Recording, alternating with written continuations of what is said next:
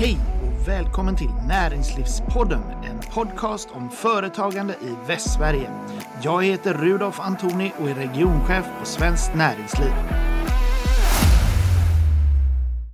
Infrastrukturen utgör ryggraden i en modern marknadsekonomi. Den binder samman människor, utökar arbetsmarknader och skapar värden, möjligheter till affärer och samarbeten. Enligt samma princip innebär avsaknaden av moderna och effektiva transporter missade chanser, outnyttjade värden och outforskade samarbeten. Just nu pågår byggnationen av Fehmarn Bält-förbindelsen som är en 18 kilometer lång tåg och vägtunnel mellan Tyskland och Danmark. Det kan komma att påverka oss mycket, inte minst här i Västsverige. Men har vi koll på detta? Är vi beredda på vad denna infrastruktursatsning öppnar upp för möjligheter? Eller står vi kvar på perrongen och ser tåget gå oss förbi? Med mig i detta avsnitt av Näringslivspodden har jag Thomas Becker som är VD på organisationen String. Välkommen till Näringslivspodden Thomas. Tack så mycket. Eh, jag tänker du, det är kanske inte känt för allmänheten vad String är för organisation. Så kan du börja med att berätta vad, vad, eh, hur, hur ser ni ut och eh, hur ser er geografi ut så att säga? Ja, eh, String är en eh, politisk samarbetsorganisation. Medlemmarna är städer och regioner eh, från Oslo och Viken och ner till och med Hamburg. Och vi är alltså som sagt en politisk samarbetsorganisation. Vi är ehm, en organisation som ska främja eh, växt och, ehm, och infrastruktur i det området och speciellt ehm, vad ska man säga, den infrastrukturen som förbinder dessa Eh, regioner och städer som alltså täcker fyra olika länder, Tyskland, Norge, Sverige och Danmark, fast, inte, fast bara delar av länderna. Och string, eh, ordet string som ju kanske verkar lite underligt, eh, kom ursprungligen på grund av att man såg en slags, ett spår från Hamburg till Oslo längs, eh, över Själland och längs Västsverige och upp till Norge och det blev då ett streck. Eh, tiden kanske har gått ifrån det namnet men nu å andra sidan är det eh, ligger det fast så många ställen så vi törs inte ändra det. Eh, om, om man tittar på den här regionen då, som det här strecket mellan Oslo och Hamburg. Eh, hur skulle du eh, beskriva den här regionen idag eh, med styrkor och svagheter? Mm. Ja, eh, för det första så tror vi att vi är mycket olika. Eh, vi tror att det är jättestora skillnader eh, mellan svenskar och danskar, mellan svenskar och tyskar och så vidare. Och det kanske känns så individuellt för den enskilda människan att det är stora skillnader. Men om man ser på det utifrån och från en, en ekonomisk vinkel, eh, politisk vinkel, så är skillnaderna mycket, mycket små. Det vill säga vi, eh, vi har en ganska eh, hög grad av eh, utbildning, speciellt polyteknisk utbildning. Ehm, vi har eh, stabila politiska system. Vi har ingen korruption. Vi har ehm, ett kulturellt fundament som är ganska lika. Vi har många av de samma värden och vi har framförallt, och det är inte bara vi som säger det, det säger OECD i Paris, vi har kanske världens eh, starkaste, eh, starkaste näringsliv när det gäller grön industri. Och när jag pratar grön industri så är det inte så mycket att vi eh, greening the industry, att vi gör existerande verksamheter eh, miljöriktiga, utan det är alltså produktion av gröna lösningar där vi är världsetta enligt OECD. Ehm, och det som OECD också säger till oss, ehm, det är att ehm, om ni förenar er, om ni samlar den kraften som ni har på det gröna området, alltså den industriella kraften som ni har, från norska ehm, eh, sol, ehm, eh, vad heter det, solcellsanläggningar, svensk biomassa, dansk eh, förmåga inom vattenindustrin, tysk vind och så vidare. Om ni förenar den industriella styrkepositionen så kommer ni att få mycket, mycket mer utav det, också individuellt.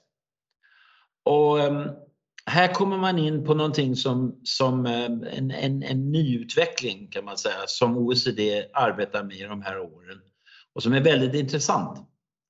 Och den är, eh, går i kort, korta drag ut på att musklerna i framtidens, uh, i framtidens Europa speciellt och Nordamerika och, och också andra OECD-länder. Musklerna kommer att ligga i så kallade megaregioner. Det gör faktiskt redan det enligt OECD. Och en megaregion är då karaktäriserad vid en, en, en befolkningsgrupp på minst 15 miljoner människor eh, och ända upp till, ja, jag vet inte hur många de är i Tokyo-området, eh, men eh, kanske ända upp till 100 miljoner. Och ehm, det ger avledda effekter att, att en, en industriell ehm, grupp av enheter för, förenar sig till en så kallad megaregion ehm, som alltså är mycket större än bara en till en. Alltså det uppstår en slags ehm, eh, självfungerande mekanism som gör att, att, att, att ekonomin och styrkepositionen växer ännu mer. Ehm, och det här kan man ju läsa om man är intresserad om man går in på OECDs webbsajt. Det är mycket intressant. Det är, det, de, det är en helt ny trend. Alltså de säger att megaregioner är en av de sju megatrenderna. En megatrend karaktäriseras vid att vad man än gör hur man än tillrättalägger samhället, vad man än gör för politiska tilltag, så fortsätter den mega, eh, den megatendensen. Eh, och, och alltså det att, att eh, vad ska man säga, den industriella styrkan i Europa samlar sig i megaregioner, det är en så kallad megatrend som man alltså eh, inte kan göra mycket åt. Så, så när, när den här eh, megaregionen eller snöbollseffekten har kommit i rullning och är tillräckligt stor så stoppas den inte av mindre gupp på vägen kan man säga då. Det är ju tydligt så som du beskriver det att, att det finns mycket att vinna på att koppla ihop den här regionen och försöka bilda en sån här megaregion. Vad, vad tror du att det här skulle innebära för företagens möjlighet att utvecklas? Ja, det är ju det det hela handlar om förstås. Jag, jag, jag, jag, tror inte så mycket utan jag lutar mig upp på vad, vad OECD rådger oss om och de säger att ehm, för det första så genom att etablera sådana här enheter i Europa, alltså gärna gränsöverskridande samarbeten där man identifierar sig med eh, andra områden och säger att man har en identitet och man samarbetar flitigt så upparbetar man en mycket större hemmamarknad. Det är alltid en styrka, speciellt i alla industrier som är pionjärindustrier, där är hemmamarknaden ju helt eh, avgörande. Så det är en styrka. Den andra vad ska man säga, stora styrkan är ju att man eh, står mycket starkare i en internationell konkurrens. Alltså om man är en enhet och brandar sig som en enhet så har man mycket, mycket större eh, genomslagskraft på den internationella marknaden. Om man, om man får resten av världen att tänka, jaha, eh, är det någonting med grön industri, ja men då är det ju uppe i norra Europa för det är där de vet allt om det, det är där de har den kompetensen, det är där de har eh, the, the merit of scale och så vidare och så vidare. Så är det enligt OECD en, en mycket stor eh, styrkeposition. Ett bra exempel på en megaregion som kanske inte är så känd, det är den regionen som ligger från, som går från Stuttgart i Tyskland och till Belfort i Frankrike. Eh, den, ehm, där ligger ju både eh, Mercedes, eh, Porsche, ehm, PSA, alltså Citroën och allt. Den regionen är en megaregion med sin främsta industri som bilindustri. Allt som rör bilar Eh, eh, rör sig dit. Den är ju väldigt stor eh, region. Den har kanske 40-50 miljoner invånare som är högt kompetenta, många, många, mycket ingenjörsvetande där. Och den regionen har ju växtkurvor som är helt vansinniga. Det man också, jag kanske glömde att säga i början var att, att en annan karaktäristik vid megaregionerna är att den har, alltså den har vågor utåt själva regionen är en muskel men den ger vågor utåt, det vill säga upplandet eh, har också stora fördelar mm. Eh, enligt OECD av att, att, att de här styrkepositionerna finns. Och så kan jag väl kanske säga att det som är så intressant att höra när, eh, när de här ekonomerna från OECD kommer till oss, det är att de säger Alltså ni är världsmästare på grön industri. Ni är absolut per capita de som producerar flest enheter per invånare eh, till gröna lösningar.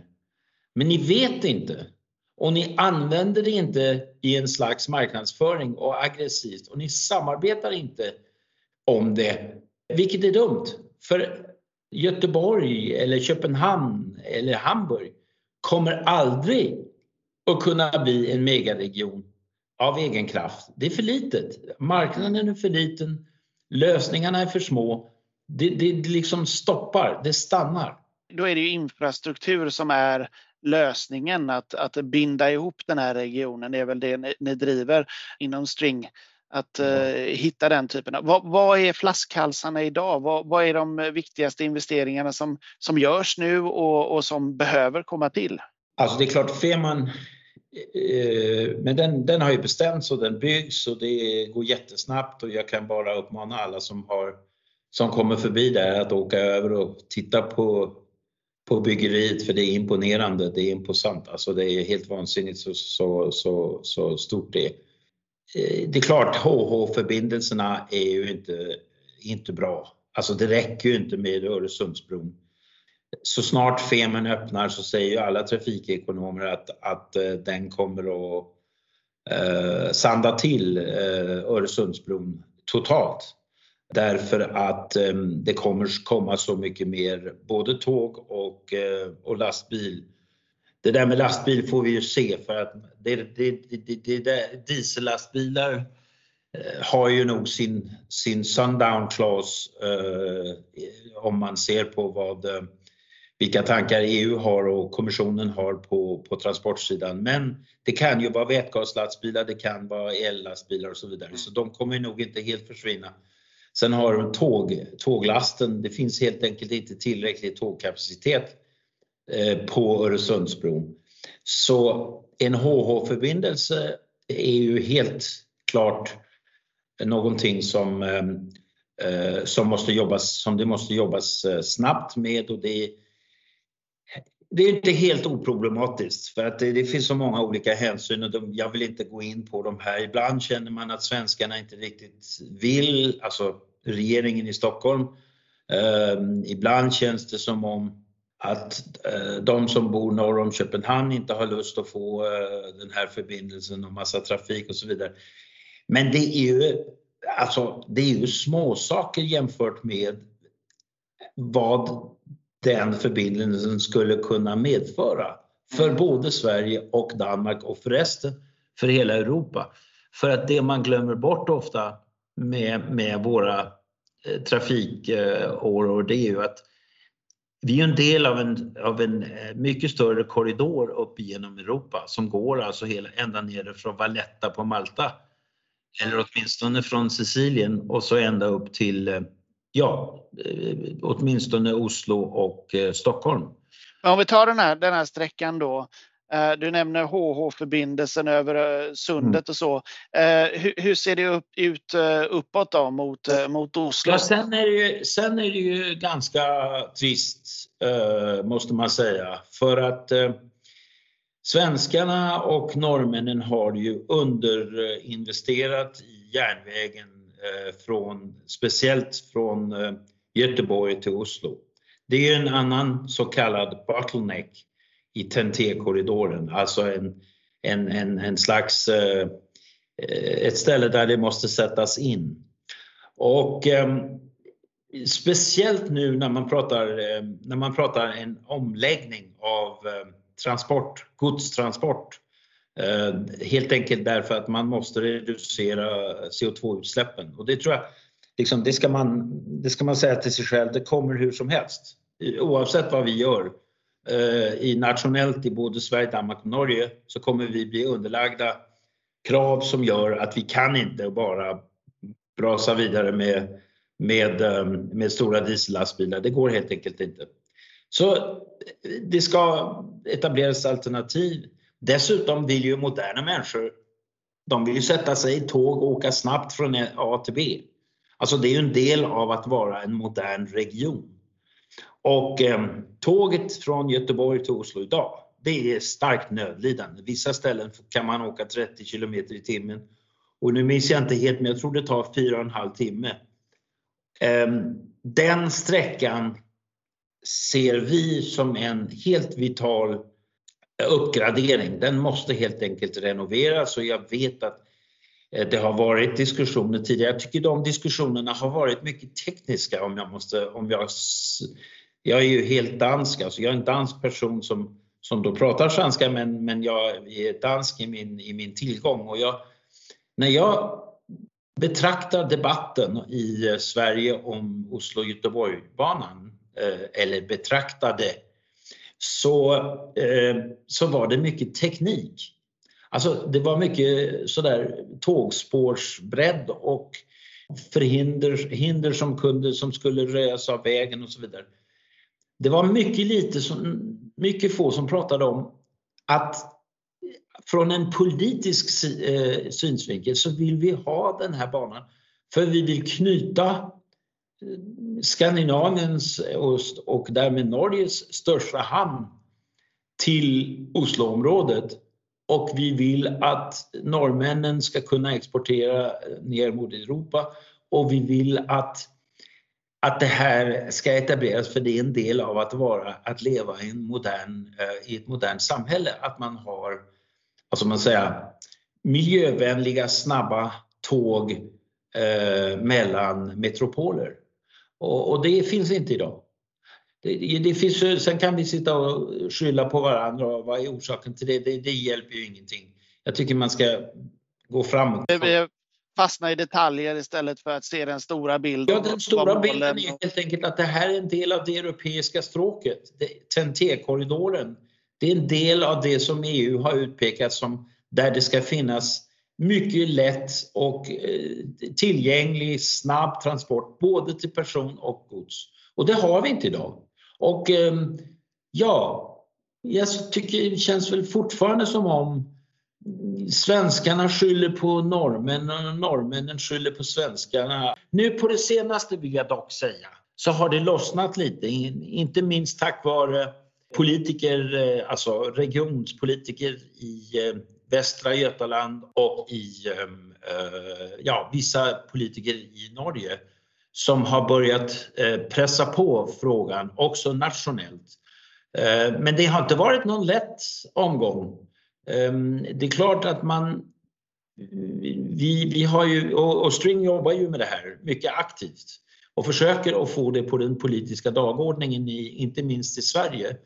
Ehm, och ehm, det man måste hålla sig för öga här det är ju att det bor så många människor i Västsverige.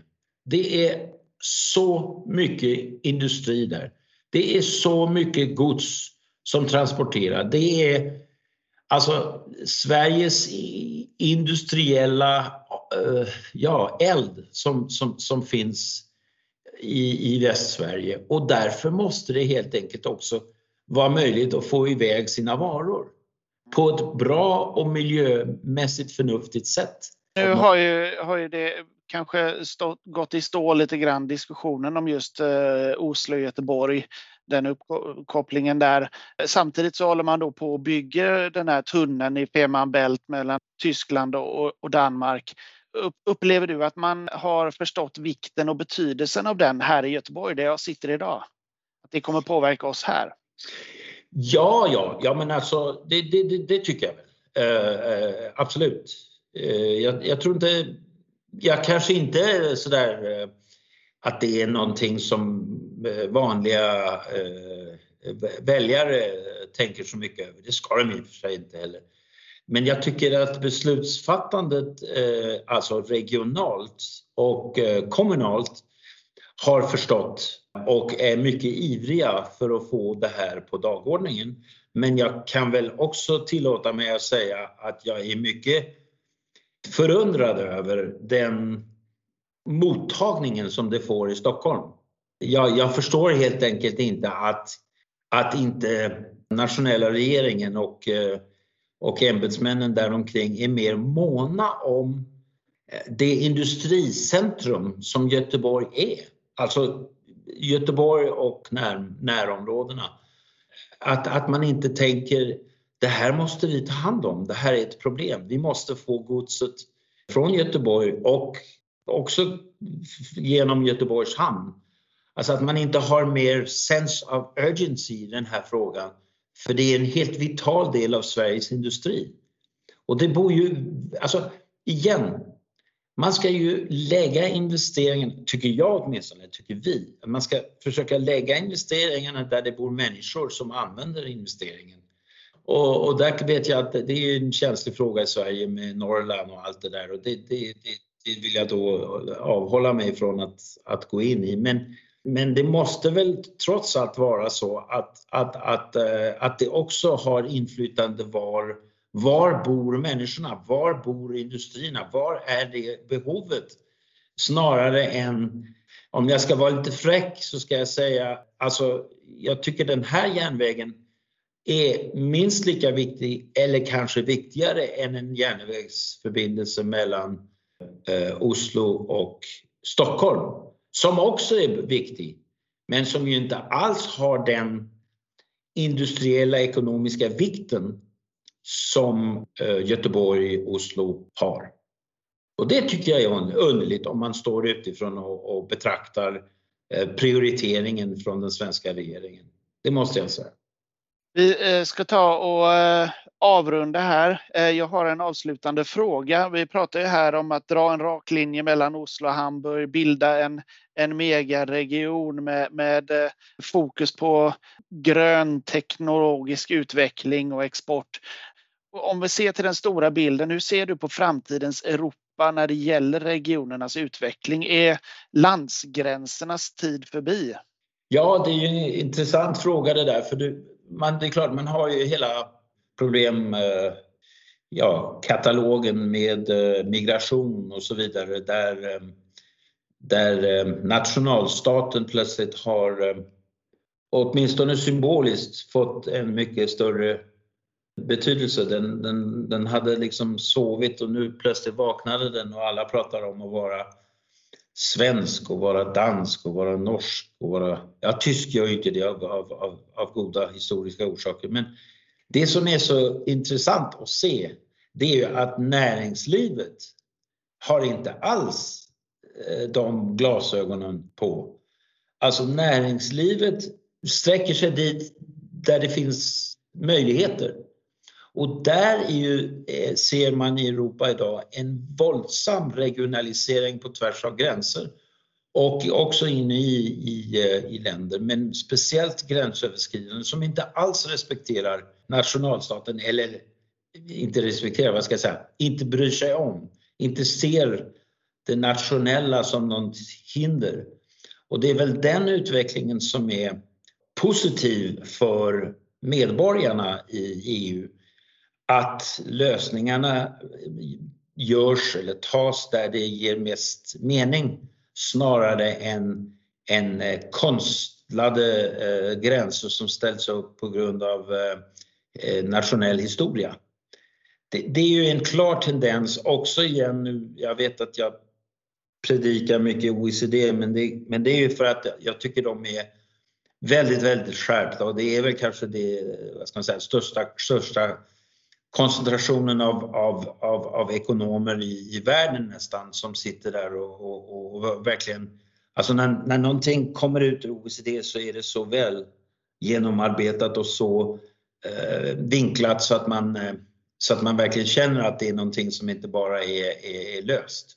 Och OECD ser ju klart en tendens nu i Europa för regionalisering, alltså att Eh, Eh, att nationalstaten och nationella gränser betyder mindre och mindre och eh, det samarbetet som försiggår över gränser mer och mer. Eh, och det är en väldigt intressant tendens samtidigt med att man har hela ja, debatten om att vara dansk och danska värden och så vidare. Den är ju mer uttalad i Danmark än, än den är i Sverige och, och, och, det kan man ju mena vad man vill om. Jag, jag håller väl kanske mer lite på Sverige där än, än, än den danska modellen. Men det, det, är ju en smaksak. Eh, hur som helst så är det två motsatt tendenser som är väldigt intressanta att se. Att det ena är väldigt symboliskt, det andra är verkligheten. Alltså folk handlar, verksamheter handlar med varandra, de hittar lösningar och så vidare. Och det är därför stringsamarbetet också är så intressant. Att man hittar ihop Därför att man, det ger en added value. Alltså de regionerna och de näringslivet i de regionerna, de vill gärna samarbeta för de, det ser de, det ger mening. Snarare än det är någon som har uttänkt någonting på grund av krig som fördes för 400-500 år sedan. Vi ska blicka mer mot eh, framtiden än historien. Det får bli slutorden. Tack så mycket Thomas Becker för att du medverkar i Näringslivspodden. Tack.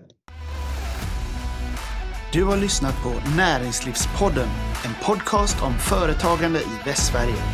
Jag heter Rudolf Antoni och är regionchef på Svenskt Näringsliv.